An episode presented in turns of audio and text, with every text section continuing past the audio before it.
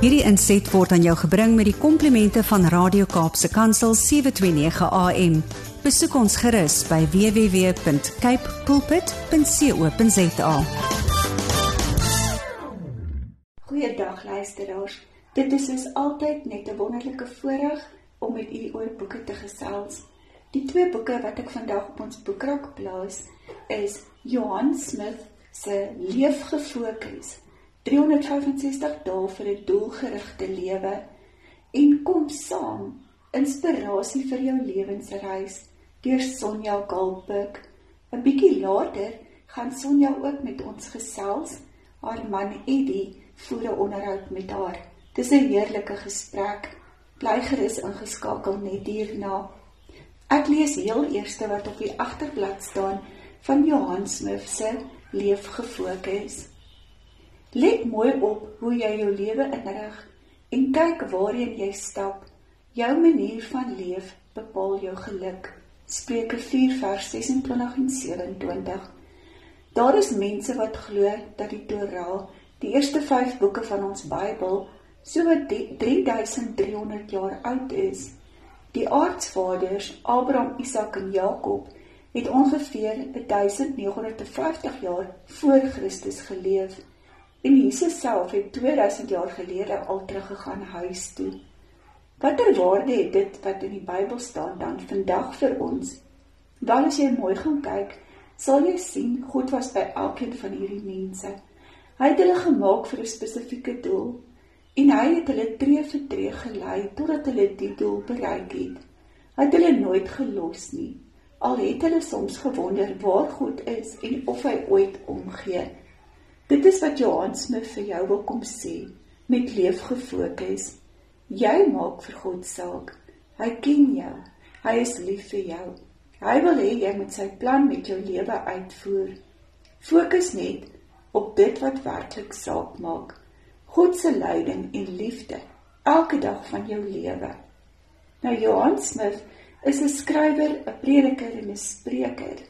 Hy besoek landwyd skole en kerke om 'n wye spektrum van mense te bedien, soos jeug, ouers, gesinne, mans en vroue. Sy nuwensgewende maatskappy, Vita Amp, fokus op bediening aan die jeug, onderwysers, skoolhoofde, predikante en gewone lidmate. Ek lees dan vir ons 'n stukkie van hierdie oordeenkings. Moenie die wêreld wen en Jesus verloor nie. So leer die disippels. In Matteus 16 vers 25 vers tot 26 staan: As jy net vir jouself wil lewe, sal jy uiteindelik jou lewe verloor en in die doderyk beland. As jy egter bereid is om jou lewe aan my te wy, sal jy beslis 'n plek kry in God se nuwe wêreld. Jy moet 'n keuse maak wat jy met jou lewe wil doen. Vra jou eers die volgende vraag af: Wat help dit as jy die hele wêreld aan jou voete het, maar jy kry nie 'n plek in God se nuwe wêreld nie? Kan enigiets op aarde ooit daarteen opweeg? Dis skokkend hoe baie mense vandag lewe, absoluut selfsugtig en net op hulle self gerig.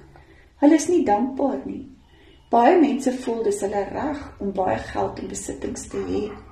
Jammer vir die ou wat minder of niks het nie. Hulle het hard gewerk vir wat hulle het. Dis asof hulle dink dit kom hulle toe. Jesus het die wonderlike gawe 'n manier gehad om baie eerlike regheid met sy disippels te wees. Hy was hulle leermeester en hy het nie doekies omgedraai nie. Wie kol te spyt te spyt. Daarom waarsku hy dan ook sy disippels dat geen mens net vir homself moet lewe nie. Jou lewe moet bo alles en in die eerste plek aan Jesus behoort en aan hom gewy wees. Dus wees aan hom gehoorsaam en volg hom in alles. Jesus vra baie eenvoudige maar belangrike en reguit vraag: Wat help dit jy wen die wêreld, maar jy verloor God se nuwe wêreld? Die ware betekenis daarvan is dat jy met 'n selfsugtige en selfgerigte lewe die gevaar loop om die hemel te mis. Hoe lyk jou lewe as jy dit aan vandag se skrifgedeelte meet? Behoort jou lewe aan Jesus? Is jy aan hom toegewy? Dit is dan 'n gedeelte uit Johan Smith se oordeenkingsboek getiteld Leef gefokus. Volgende lees ek die agterblad van Sonja Kalberg se Kom saam, inspirasie vir jou lewensreis. Kom saam, inspirasie vir jou lewensreis. Is spesiaal geskryf vir vroue wat inspirasie, wysheid en hoop nodig het vir hulle lewensreis. Ons dae tot oorlopends toe vol met aktiwiteite, beplanning, besluite, krisisse en vrese. Hoe weet ons wat is die regte keuses as daar so baie is? Wat gebeur as ons verkeerde besluite neem en hoe hanteer ons die gevolge? Elke dag moet ons te midde van die gewoel koers kies en antwoorde gereed hê oor die lewe vir onsself en ander en nie net ten opsigte van ons persoonlike en werksverhoudinge nie, maar ook ons geloof. Gelukkig is daar ook vreugde, vriende en samesyn op die paaie van ons lewensreise en ons betroubare drie-enige God. Hierdie dagstukkies gebruik die tema van 'n padreis om jou te inspireer om nader aan God te leef en volkome op hom te vertrou. Kom saam en leer Jesus Christus beter leer ken teen jou eie pas. Begryp hoe innig God jou liefhet en hoe naby hy regtig elke dag langs jou stap. Dan lees ek vir ons 'n stukkie op bladsy 140. Respek vir God. Ek is die Here jou God. Ek vat jou hand.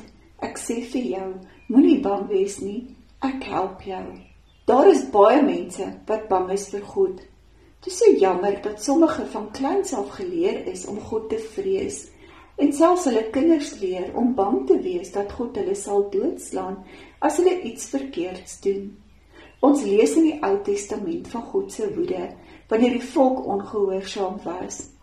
Die Israeliete het vreeslike ongelowige goeters aangevang en God se oordeel was erg want hy verwag onverdeelde trou van ons.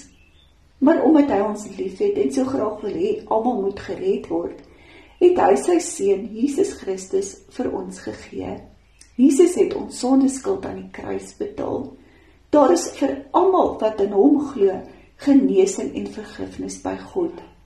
Die vrees wat ons vir God koester, moenie angs en bewering wees nie. Ons moet vir hom eerbied en respek hê. Hy is immers die God wat die hele skepping tot stand gebring het. Dis hy wat die planete en seisoene in sy hand hou. Hy het die mens gevorm en sy asem in hom geblaas. Ons tye is in sy hande. Ons moet vol onsag wees voor sy aangesig. Ons lees in Openbaring van God se heerlikheid. Hy het toegelaat dat Johannes iets van sy glans en almag aan ons verduidelik. Ek en jy moet nie ongeërg omgaan met God se naam nie. Hy is heilig en daarom moet ons sy naam net gebruik wanneer ons hom aanbid en van hom getuig. Kom ons bid saam die Onse Vader gebed in Matteus 6 vers 9 tot 13.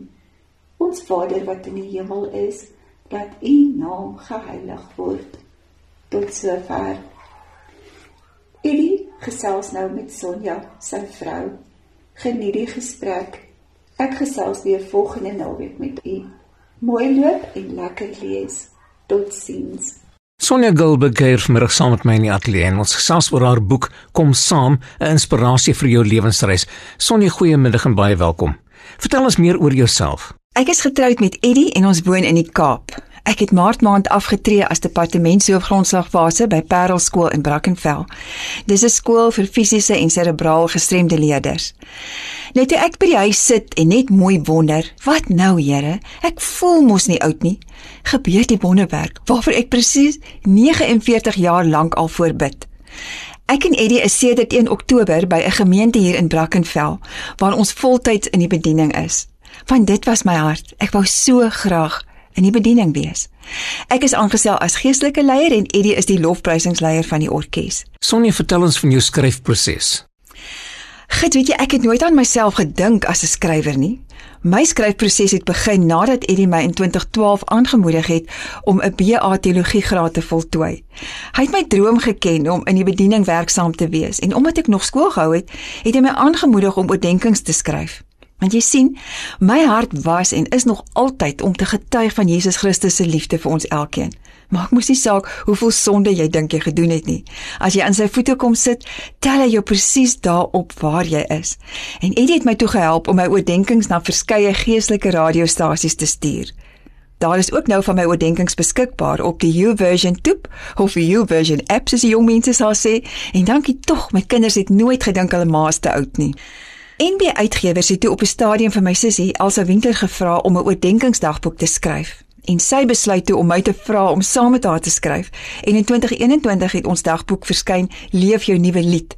En sy studie een wat my aan Veronica by Luka Uitgewers bekend gestel het en nadat ek my idees aan haar en Amanda voorgelê het, het ek die groen lig gekry om hierdie boek Kom saam, inspirasie vir jou lewensreis te skryf. En waaroor gaan hierdie boek getiteld Kom saam, inspirasie vir jou lewensreis? Weet jy die boek lê my baie na in die hart want ek wil jou nooi om jou tas met bagasie te bring en om saam met my in my motortjie te klim op 'n baie spesiale reis. 'n Reis wat ons elkeen sal herinner aan gebeure en seisoene in jou lewe. Maar ek glo dis ook 'n reis wat vir jou hoop sal gee en jou sal inspireer want dit is my passie dat ek en jy nooit mag ophou glo in die liefde, genade en wonderwerkende krag van Jesus Christus nie. Want hoorie, ons moet onthou, niemand is ooit te oud, te lelik, te arm of te swak vir God nie. Koop vir jou hierdie boek toe bid dat jy wanneer jy so saam met my reis ook sal raak sien dat ons eindbestemming nie ons geld, ons kinders, vriende, die ouete huis of ver plekke is nie. Mag jy saam met my Jesus Christus se hand vat, jou oë op hom bly fokus sodat jy jou reis met vreugde en vrede kan voltooi. Want weet jy wat? Ons gaan mos almal hemel toe. Gee sommer nou al jou bagasie vir God. Maak nie saak wat in hierdie wêreld met ons gebeur nie. Vir elkeen wat glo, wag daar 'n wonderlike lewe in die hemelse woning saam met ons Hemelvader. En so gesels Sonja Goldberg oor haar nuwe boek Kom saam, inspirasie vir jou lewensreis. Dankie Sonja. Hierdie inset was aan jou gebring met die komplimente van Radio Kaapse Kansel 729 AM. Besoek ons gerus by www.cape pulpit.co.za.